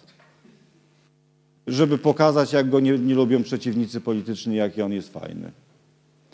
Postać barwna, bo to był człowiek, który miał pomysły typu o 10 wyłączamy światła w mieście. Przyzwoici ludzie po 10 nie, nie chodzą po ulicach. Ewentualnie drugi magiczny pomysł, e, po co sprzątać śnieg? Przyjdzie wiosna, sam się stopi. to się dzieje, ale to się może dziać też na takim poziomie. Co sądzicie o człowieku, który jednocześnie ma w sobie albo jest nosicielem następujących chorób? Choroba Addisona, czyli niedobór hormonów e, produkowanych przez korę nadnercze. Objawy zasłabnięcia, utrata apetytu, spadek masy ciała, biegunka, nudności, obniżenia nastroju, cierpnięcie kończyn. E, słaba wersja leukemii, osłabienie, bóle mięśni i stawów. A granulocytoza. Niedobiór białych krwinek, osłabienie obronności organizmu, częste infekcje, gorączka, powiększenie węzłów chłonnych, zapalenie okrężnicy, owrzodzenie żołądka, alergia, prostata plus śpiączka, po wszczepieniu e, metalowej płytki w kręgosłup. Potem po paru miesiącach płytka musiała być wyciągnięta, bo bóle się nasilały. Żeby nie było, e, żeby był nieleczony. Sterydy. Dokładnie e, wyciąg z adrenaliny, o ile pamiętam, chyba z byka. Podawany podskórnie. To jest naprawdę ohydne, jak to było podawane w opisach, bo to była nacinana skóra i wpychane kapsułki pod skórę i następnie bandażowane, żeby się szybciej do krwiobiegu y, dostawało. Prokaina na bóle pleców. E, antybiotyki, zakażenie przewodów moczowych, antyspastyczne, okrężnica, antypsychotyki e, na zmiany nastroju, testosteron na stabilizację wagi, Nambutal na sen, amfetamina, żeby się obudzić, no taki standard. No i na antyhistaminy na alergię. O, oczywiście nie żyje. Tak. To jest ucieleśnienie amerykańskiego snu. John Fitzgerald Kennedy.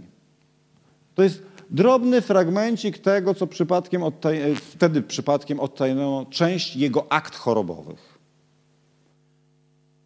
I teraz sobie wyobraźcie, że ten człowiek chodził w gorsecie. Między innymi dlatego człowiek, który to jako pierwszy opisał to wszystko, twierdził, być może to wspomogło to, że zginął w Dallas. Bo normalny człowiek, za przeproszeniem, jak dostanie kulkę w głowę, to się osuwa. A on siedział i dostał drugą, bo gorset go podtrzymywał. Przywódca kraju, który kolokwialnie mówiąc jedzie, jedzie na amfetaminie no i na antypsychotykach, na antydepresantach. Dzięki temu być może psychologia zawie, yy, niejako zawdzięcza teorię tak zwanego myślenia grupowego, którą jeden z amerykańskich psychologów, Janis, po raz pierwszy opisał w odniesieniu do nieudanej inwazji w Zatoce Świn kierowanej przez Kennedy'ego. No i ogólnie myślenie grupowe polega na tym, że jak się zbierze pięciu mądrych, to na pewno coś głupiego wymyślą. No i tak akurat się stało w Zatoce Świni. Można to zrobić do takiego stopnia, że ta pani, jakby co, to, to jest Marilyn Monroe, e, w jednym ze swoich najsłynniejszych występów wokalnych śpiewa na przydechu Happy birthday, Mr. President. To jest człowiek, który słynął e, ze swojego pociągu do kobiet. Ale w przeciwieństwie do Billa Clintona, do wielu różnych. No ale skoro był na testosteronie, no to czego wymagać? Mało tego, co też jest dosyć intrygujące, to był jedyny amerykański prezydent katolik. Co zresztą też e, trochę problemów e, mu niejako przyczyniło się, ponieważ podczas kampanii musiał się gęsto tłumaczyć z kwestii następującej. Kto jest jego zwierzchnikiem jako katolika? Czyli w czyim interesie będzie działał? Watykanu czy Stanów Zjednoczonych? I to był poważny problem w Stanach Zjednoczonych. To można zrobić na poziomie wizerunku. To w Stanach Zjednoczonych wydarzyło się. Obecnie jest to trochę trudniejsze, bo jest więcej źródeł informacji. Natomiast ciągle na poziomie tworzenia mitu, mitologizowania postaci, marketing polityczny dzielnie służy wspierając oddziaływania czy starania polityków o obejmowanie różnych urzędów. Jak to skonstatował Bruce Newman, jeden z, najważniejszych e, postaci, jeśli chodzi o marketing polityczny. Współcześnie politycy tkwią w biznesie sprzedawania ludziom nadziei. Tym się kupczy w polityce, w marketingu politycznym. Nadzieją. Bardzo dziwna emocja. Bo z jednej strony umiera ostatnia, po czym odradza się niczym Feniks z popiołów, a z drugiej strony no, jest matką, no może niekoniecznie wynalazków. Nie? Może następnym razem zrealizują to, co obiecali. A może w końcu ten będzie lepszy. To jest ten schemat napędzania, myślenia, tłumaczenia zachowań w świecie polityki. Stąd, kontynuując, wyzwaniem dla specjalistów od marketingu politycznego jest umiejętność powiązania słów, działań, wizji polityków w realistyczną transformację marzeń i aspiracji elektoratu. Marzeń i aspiracji. To tu jest najważniejsze. W pewnym sensie tym, co robi marketing polityczny, e, jest budowanie amerykańskiego snu w Stanach Zjednoczonych i czegoś, co być może nie istnieje, ale polskiego snu dla nas. Pewnej wizji, marzenia, do którego to wszystko ma być dostosowane. Transformacja ta przymiera w umyśle ludzi, wyborców formę wizerunku, a polityka wkracza w wiek fabrykowanych wizerunków. Bardzo często te fabrykowane wizerunki no, są tak jak te przykłady, które dałem z popkultury. Zresztą akurat ta postać e, bardzo często pojawiała się w żartach politycznych u szczytu swojej popularności. E, dla niewtajemniczonych turbodymomen. On potrafił zrobić wszystko. I w żartach politycznych był, tak jak mówię, bardzo często obecny. W takim razie, podsumowując, tak żeby było gorzko, znów From. Człowiek współczesny żyje w złudzeniu, iż wie, czego chce gdy w istocie chce jedynie tego, czego się odeń wymaga. I Guy Debord, mm, no powiedzmy jeden z praojców postmodernizmu, ale parę myśli miał nie, nie najgorszych. Spektakl polityczny jest złym snem zniewolonego nowoczesnego społeczeństwa, wyrażającym jedynie jego pragnienie snu. Spektakl jest tego snu strażnikiem. O takie sztuczne raje mi chodzi o sztuczne raje bezrefleksyjności, o sztuczne raje zadowolenia z faktu, że się nie myśli. Bo fakt, że nam się nie chce myśleć, albo uczeni jesteśmy niemyślenia, pozwala na to, o, tym, o czym tu mówię. Innymi słowy, na pytanie, co robić, myśleć i rozumieć. Tylko tyle. Tylko tyle. Myśleć i rozumieć lub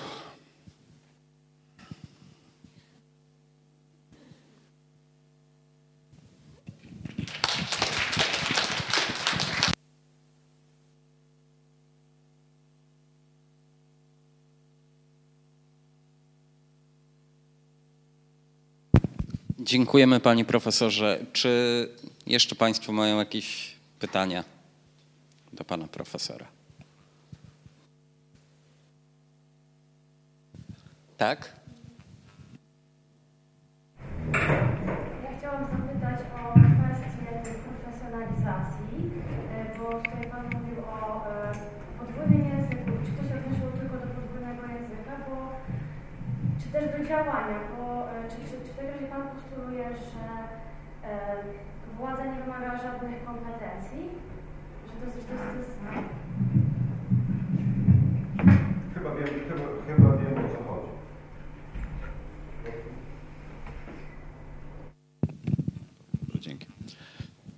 E, to jest, e, tak, to będzie taka no, trochę zawiła moja refleksja, ale nie, nie bardzo.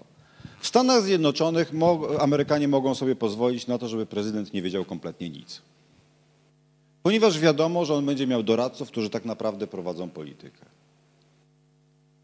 U nas problem polega na tym, że polityką, przynajmniej części z nich, mam wrażenie, że znacznej, wydaje się, że oni potrafią zrobić to, o czym mówią. Stąd politycy są zawodowcami, natomiast ich kompetencje do rozwiązywania problemów, podejrzewam, są nie aż tak bardzo e, wysokie. To jest taka refleksja, którą przynajmniej e, ja odnoszę, patrząc na to, co dzieje się na scenie politycznej. Natomiast faktem jest, e, że dla wielu polityka staje się zawodem.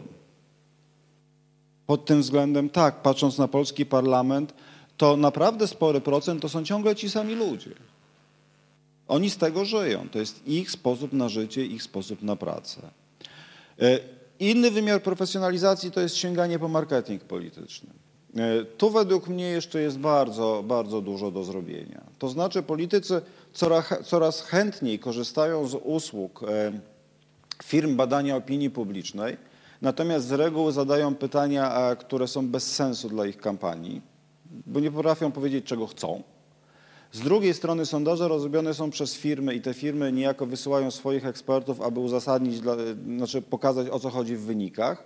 Natomiast nikt tego nie przekłada na strategię. Także to jest taki pozorny profesjonalizm na tym poziomie. Z drugiej strony jest troszeczkę osób, które z PR-u przechodzą do polityki. Natomiast PR to jest e, drobny fragmencik marketingu politycznego. Stąd pod tym względem no jest, jest, jest pewien problem z profesjonalizacją. A z trzeciej strony to marketing polityczny w tym kraju służy jako obelga. Po prostu politycy wyzywają się, że ty stosujesz marketing polityczny. A wszyscy go stosują.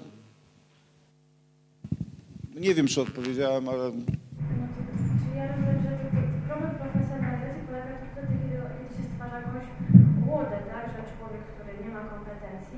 No nie próbuje stworzyć wrażenie, że je ma, że one są wymagane, ale, ale to nie odnosi się do tego, że jednak przeprowadzenie jakiejś reformy wymaga bo specjalistycznej wiedzy. Nie może przeprowadzić każdy z ulicy i problem jest wtedy, kiedy ktoś jednak przychodzi z ulicy i wydaje, to jest między innymi jakiś wysokopimowany, e, niespecjalistyczny język, jakieś skomplikowane konstrukcje, stwarza pozory, że on jest kompetentną osobą. Czyli o. E, Znaczy, ja bynajmniej nie mówię, że nie ma e, polityków, którzy się znają na tym, co robią. Natomiast patrząc na to, mm, na konkretne postaci, na przykład polskich ministrów, jakimi ministerstwami kierowali, to ja odnoszę wrażenie, że dla wielu z nich to nie ma żadnego znaczenia. I teraz trudno oczekiwać e, po kimś, kto na przykład, e, jakoś bez urazy, jest e, na przykład specjalistą od rybołówstwa, że zreformuje kopalnię. A taka sytuacja wcale nie jest jakaś nie- kompletnie nierealna. Jasne, że jeżeli zatrudni ekspertów, to coś będzie robił. Natomiast teraz jest problem, czy to będą eksperci tylko z jednej strony, czy z kilku stron, a wiadomo, że polscy eksperci to, to ich lepiej też za- wielu naraz nie brać, bo się pokłócą. Nie?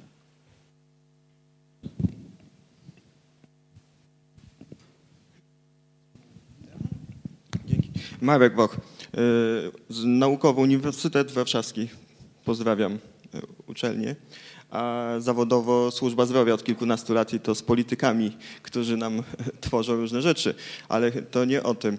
Y, Chciałbym istotę sprawy. Mianowicie tutaj ma pan rację, pan profesor, jeśli chodzi o y, myślenie i rozumienie. Ja sam przez dwa miesiące ostatnio prowadziłem kampanię i do Sejmiku jako, y, można powiedzieć, komitet wyborczy wyborców wystawiliśmy kandydatów do Sejmiku. No jeszcze liczą oczywiście nie po to, żeby wynik zrobić, tylko rozpoznawalność na przyszłoroczne wybory. Ale jest problem z wciąganiem, że tak powiem, nowych twarzy, którzy, no ludzie wiedzą o co chodzi, bo to nie jest tak do końca, że ludzie też nie wiedzą na pewnym poziomie o co chodzi z polityką. I teraz pytanie, wiedzą, wiedzą doskonale, tylko ja widzę, tylko ja widzę i czuję, że nie chcą, bo wiedzą z drugiej strony, z czym to się wiąże, po prostu z atakami bezczelnymi, yy, straszeniem, wyrzucaniem z pracy, bo też są takie przypadki. Teraz pytanie, co z tym zrobić na poziomie, na poziomie właśnie dalszych działań, mianowicie zachęcania i przekonywania ludzi, bo nawet jeśli chodzi o pracowników samorządowych, to były takie przypadki, że z mojego komitetu ludzi zwalniano. I to jest taki aspekt, który nie jest w ogóle publicznie ani medialnie poruszany. To jakby konkludując do tej demokracji i, i tego, że ciągle są no, te same twarze, tak? Dziękuję. No tak jest. E, Znaczy, no ja przynajmniej na razie nie jestem i jakoś nie, nie planuję być ideologiem e, demokracji i wymyślać rozwiązania, które są jedyne i słuszne. Natomiast z perspektywy psychologa i człowieka, który troszeczkę e, bada politykę, no niestety to jest smutny wniosek, bo jedynym panaceum na to, o czym ja tutaj mówię, to jest edukacja. To jest uczenie ludzi rozumienia. Tu nie ma innego wyjścia. Tylko i wyłącznie uczenie. E, Być może na poziomie nawet gdzieś szkolnym, chociaż myślę, że, że tu w tym przypadku jasne, że ludzie zapytani mówią, polityka to brudna rzecz. Natomiast e, ja to wiem od wielu kandydatów, którzy startowali. e, Co prawda, no, no dla mnie ja to trochę obecnie to podchodzę do tego z uśmiechem, że ci, którzy wchodzą w politykę, nagle na- natykają się na jedną podstawową rzecz, z której nie zdawali sobie sprawy, że jej największymi wrogami są ludzie z tej samej partii. To są najwięksi wrodzy. Nie ma większego wroga niż kolega z listy. I tu jest problem. Problem to jest na przykład pokazania tego, co dzieje się od kuchni w Sejmie, gdzie w zasadzie bardzo częstą sytuacją jest to, że politycy z różnych ugrupowań się pokłócą, po czym razem idą e, załatwiać swoje biznesy. Że te linie podziałów, które nam są prezentowane jako dzielące różne wizje rzeczywistości, one nie istnieją na poziomie indywidualnym. E, To, o czym e, ja mówię, o czym mówię, jeśli chodzi o edukację, to jest pewna demitologizacja. A z drugiej strony być może właśnie też, też przyzwolenie ludzi na, na to, żeby politycy pełnili funkcje reprezentacyjne, jeśli już muszą w ogóle być. Bo niestety z perspektywy e, jakichś tam e, rozważań dalekosiężnych, to, to przynajmniej takie opinie też słyszałem, może, może warto wrócić do rządów autorytarnych. To polskie koła monarchistyczne już króla znalazły, gdzieś w Szwajcarii jest. I wręczały mu, że jakby, jakby w Polsce było królestwo, to on powinien być. Tak im wyszło z obliczeń. Zresztą jakiś e, bankowiec szwajcarski. A może tak jak chciał Platon, że jacyś naukowcy, chociaż naukowcom oddać rządy w czymkolwiek, to mówiąc szczerze, ja byłbym bardzo sceptyczny. Jako naukowiec, jako człowiek może też. I to abstrahuję tu od e, niejako dyscypliny. Bo Naukowcy są od nauki, nie od, nie od rządzenia. Także z tej perspektywy to, to jednak mimo wszystko pokazywać mechanizmy, tylko tu jest ryzyko cynizmu. To jest zawsze to ryzyko, że ktoś, kto nagle zobaczy, co się dzieje, to powie, to ludzie, to cześć. I będziemy mieli frekwencję na poziomie 5%. Nie, nie, nie. Oni te, wybory, będą, wybory będą ważne. Wybory będą ważne.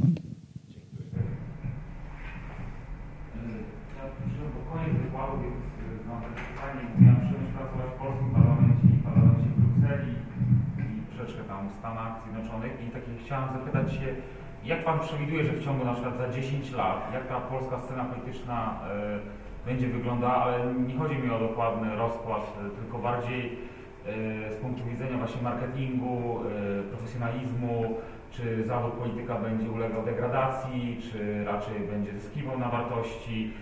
No w Stanach są dwa obozy, tak, demokraci, republikanie, tak, i tam jest wszystko jakby, po, jakby jest od wielu lat, jakby wszystko jest poustawiane, w Brukseli też, więc zastanawiam się, jakie jest Pana zdanie, takie, co się zmieni w praktyce, yy, powiedzmy, że za 10 lat, tak, taka perspektywa.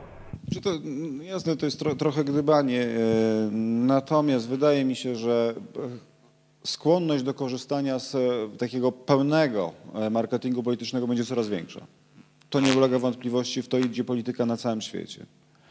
E, No, może amerykańska chyba najbardziej, ona jest uzależniona. E, Tam praktycznie większość decyzji, e, znaczy prawie żadna decyzja nie jest podjęta bez zapytania ludzi że tak powiem, gwoli anegdoty, jak Bill Clinton miał swoje relacje z tą kobietą, że go zacytuję, to pytał Amerykanów, czy ma się już przyznać, czy jeszcze nie w sondażach. I w pewnym momencie Amerykanie powiedzieli, możesz już się przyznać. To on się przyznał.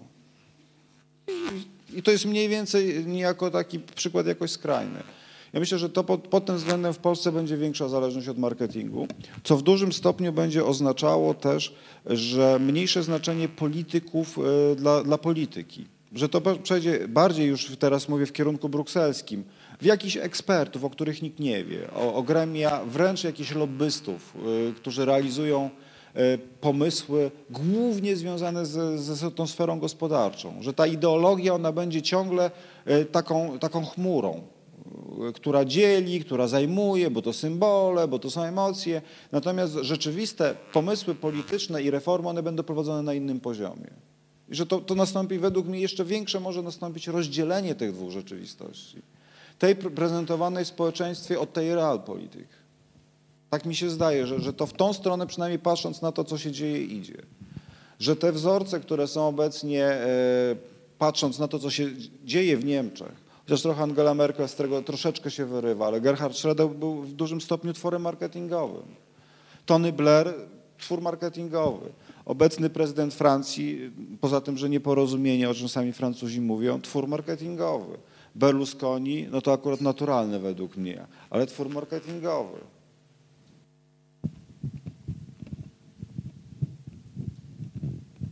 Skuteczni politycy według psychologów się wykazują specyficznymi umiejętnościami psychologicznymi, jak umiejętność e, wpływu na ludzi, przekonywania, zarządzania, koordynacji z zespołami ludzkimi?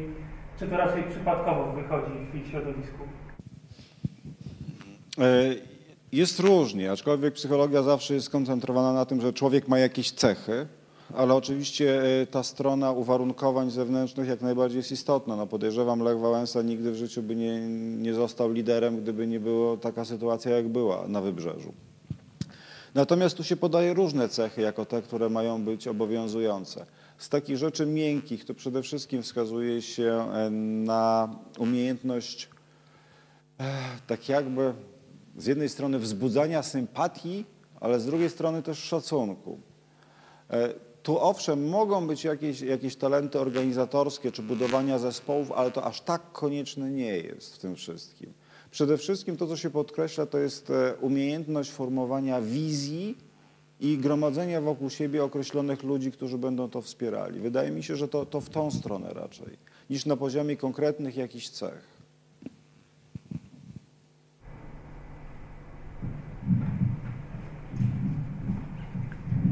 Tak.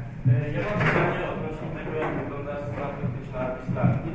E, Partia weekendowa, którą tak, tak którą jest e, The Best Party, no chyba od 2005 roku spra, sprawuje władzę i to jest niepodzielny rząd, a no ich postulaty też na postawienie wspomnianego pyta w środku Reykjaviku, czyli kara śmierci dla Szwedzi. I drugie pytanie, e, jak ma się do, do tych e, no, marketingu politycznego e, rosnące poparcie wśród młodych ludzi dla takich partii jak e, Kante czy e, Ruch Narodowych, no partie są no, chyba zaprzeczeniem jakiejkolwiek e, teorii no, z marketingiem politycznym. E, Zaprzeczeniem nie są, E, a, a już tym bardziej marketingu, E, bo dla marketingu to raczej są zleceniodawcy. E, Jeśli chodzi e, o bardziej o, o, kongres, no, Kongres Nowej Prawicy, Em, ja myślę, że tutaj jest, e, znaczy chyba w większym stopniu niż przy ruchu narodowym. To jest ten element niesmaku związanego sceną, ze sceną polityczną. I też, co mimo wszystko wydaje mi się, że, że się pojawia, czyli e, pewnej przepaści pokoleniowej. Polscy politycy, ci, którzy rządzą od wielu lat, to jest pewne pokolenie i to jest ciągle to samo pokolenie, e, które wypłynęło podczas e, powiedzmy stanu wojennego. W związku z tym, przynajmniej mam takie wrażenie, nie rozumieją i nie chcą rozumieć młodych ludzi. Janusz Korwin-Mikke, chociaż jest tym samym pokoleniem, to jemu długo zaczęło, e, zajęło nauczenie się, że nie może mówić tego, co myśli w sposób taki, jak mówi, bo wówczas nikt go nie rozumie i nikt go nie chce, że musi tworzyć coś w rodzaju show. A show zawsze jest też elementem rozrywkowym. I być może to w przypadku y, KNP nie jakaś ideologiczność, ale raczej właśnie taki element happeningowy przyciąga ludzi. E, To jest troszkę też, e, troszkę też tak per analogia, jak z partią piratów, która istnieje w wielu krajach. Ona akurat w Skandynawii chyba jest najsilniejsza w Szwecji, e, która nawet wprowadza swoich do, przedstawicieli do Parlamentu Europejskiego. Partia piratów to są ci, którzy są za wolnym internetem. Program jest jednopunktowy w zasadzie. Czyli wszystko, co jest w internecie, jest do wzięcia. Mhm. E, Także ja myślę, że tu przede wszystkim to jest to, e, to pogłębianie przepaści na poziomie niezrozumienia jakoś pokoleniowego, a z drugiej strony to jest też wykorzystanie może nie tyle jakichś bardzo skoordynowanych działań marketingowych, ale pewnych specyficznych elementów, aby zaistnieć. E, Dla KNP to są przede wszystkim też, jeszcze raz użyję tego słowa, happeningi trochę w stylu, który w Polsce kojarzy się z palikotem. Chociaż de facto to Janusz Korwin-Mikke jest tu pionierem. Bo to on jeszcze w latach e, 90. jeździł na słoniu podczas kampanii wyborczych. Mm, Co zwraca uwagę, bo to tak jak Janusz Palikot tłumaczył, ja musiałem, czy ja, ja chodziłem z tymi świńskimi łbami i różnymi gadżetami, żeby zrobić, e, żeby zbudować świadomość marki. Bo jeżeli nikt nie wie, że ja istnieję, to kto na mnie zagłosuje? Tak samo jest z KNP, no przecież to, to nie jest coś, co się objawiło rok temu. Dop- Dopiero jak zaistniało w świadomości, to funkcjonuje. Natomiast ja myślę, że ruch narodowy to jest troszeczkę jednak inaczej, że tam rekrutacja nie jest, e, w cudzysłowie rekrutacja, mm, nie poprzez takie istnienie happeningowe, ale raczej e, oparta w pewnym sensie na, na ukierunkowywaniu pewnej złości. Nawet e, nie chciałbym tu użyć słowa w tym kontekście agresji, ale raczej złości wobec kogoś w różnych, w różnych kontekstach. Natomiast wracając do Islandii, to co mówię e, jak najbardziej e, inaczej. To nie jest sprzeczne z tak jakby funkcjonowaniem przez kilka sezonów na, na świeczniku polityki. E, Akurat przypadek Islandii, no to wiadomo, to po krachu to wszystko się zaczęło. I też e, ugrupowanie głosiło, e, że oni nie będą zajmować się polityką, tylko e, zajmą się czymś innym. Tam to zadziałało, tam to wystarczyło. Podejrzewam, że, że u nas, no jeżeli popatrzymy nawet przed tym, znaczy popatrzymy na jeszcze wiszące billboardy, e, to po prostu jest permanentne hasło, że e, praca, a nie polityka. Wszyscy idą do, do, do samorządu pracować, nikt polityki nie będzie uprawiać. No jest to absurd, nie? No, Natomiast e, czasem to działa.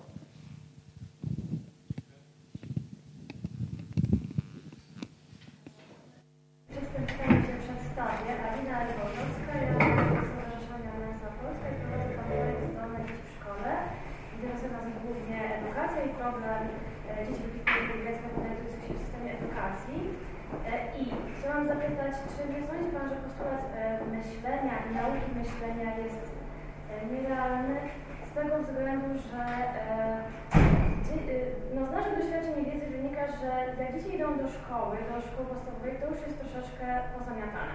Już jest, już, już jest po fakcie tej nauki, nauki myślenia, swobodnego myślenia, krytycznego analizowania. E, Są po prostu bariery nie do przekroczenia, czyli cały system edukacji, gdzie są nauczyciele, jest ich dużo, trzeba ich nauczyć myśleć, żeby oni mogli uczyć myślenia, trzeba przejść przez system wychowania dzieci. To jest bardzo, bardzo skomplikowanym aspektem jest to, że no, każdy ma swoje ograniczenia. Większość osób tego nie akceptuje, że mają swoje ograniczenia do e, możliwości myślenia, rozumienia, analizowania. Nie przeskoczy się tego. E, Przez to też ludziom się wydaje, że no, już po prostu wiedzą wszystko i to co, to, co wiedzą, to już jest koniec, a jak ktoś tego nie rozumie, to jest głupi i tyle. E, I, i, I po prostu taki postulat nauki i myślenia i rozumienia jest no, bardzo ograniczony przez rzeczywistość i to, co można faktycznie zrobić w tej kwestii. E, Są, e, tak, tak jak, jak Lech Wałęsa powiem, jestem za, a nawet przeciw. E, To znaczy tak, zależy co, co, co się pojmuje przez naukę myślenia. Bo nauka myślenia może być rozumiana tak jak na przykład logiczne wnioskowanie, nie? Bo ja podejrzewam, że to ten, ten schemat niejako tutaj jest narzucony. Łączenie faktów, umiejętność wnioskowania, wychodzenia po, po informacje. Ale nauka myślenia w tym sensie, o którym ja mówię, to jest też pokazanie pewnych czynników, które sprawiają, które wpływają na ciebie. Poka- pokazanie ludziom, że są wprowadzani w błąd. Nie, że się mylą, tylko że są wprowadzani w błąd. Mi nie chodzi aż tak głęboko w tym, o czym ja mówię tu. Bo faktycznie w e, sytuacji, powiedzmy, tych ludzi już dorosłych, tych, którzy mają prawo do głosowania, jest pozamiatane. To, to jest pełna zgoda. E, Tak samo ja się w pełni zgadzam e, z taką bardzo smutną diagnozą edukacji. E, Tak samo uważam. A powiem, e, jeszcze dodam tylko do tego jeden krok dalej, to się w przedszkolu zaczyna. Natomiast no, alternatywą to jest, e, no co, no, że zostawi się dzieci w domu, czyli indywidualne wychowywanie przez rodziców, przynajmniej niektórych. Nie ma innej alternatywy, przynajmniej w tym względzie nikt y, nie opracował. Mało tego, systemy e, no w pewnym sensie prawne wymuszają. Mamy w Polsce obowiązek szkolny, w Kanadzie jest na przykład obowiązek przedszkolny. Każde dziecko dwuletnie ma iść do przedszkola. Koniec, kropka. A to jest tak naprawdę pozbawienie rodziców wpływu. To jest przerzucanie wpływu e, różnego typu na system edukacyjny. I mówiąc o myśleniu, to raczej mi chodzi o pokazywanie ograniczeń, bo to, że ktoś jest mniej, bardziej inteligentny, ma mniejsze, większe zdolności, nie gra w tym roli. Super Express i fakt się sprzedają najlepiej. Można? Można. To jest kwestia dostosowania przekazu do odbiorcy. Tak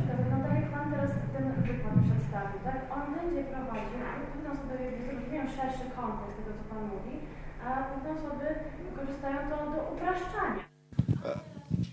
Ewentualnie do tego, żeby na tej podstawie zbudować swój pomysł, jak manipulować innymi, jasne. No niestety to jest zawsze zagrożenie. Tak jest. E, związane z tą, jakie jest Pana zdanie, jeśli chodzi o tą przemianę pokoleniową w polskiej polityce?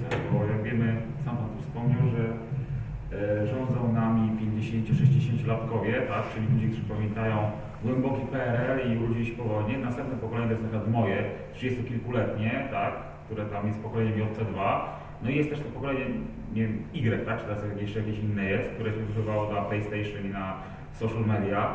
I teraz w kontekście tej przemiany, która idzie, yy, i ja tak trochę nawiązuję do przyszłości, jak Pan sądzi, czy ta przemiana pokoleniowa w polskiej polityce i jakość związana i marketing polityczny to będzie raczej ewolucja, rewolucja, że po prostu wymrą te dinozaury typu tam Oleksy Miller, czy oni wychowają się swoich załóżników i to będzie jakby, yy, że to się nie, ten styl się nie zmieni radykalnie, tak, uprawiania polityki, yy, chyba, że wymusi to pewnie te social media trochę na, albo marketing polityczny, tak, pewne rzeczy.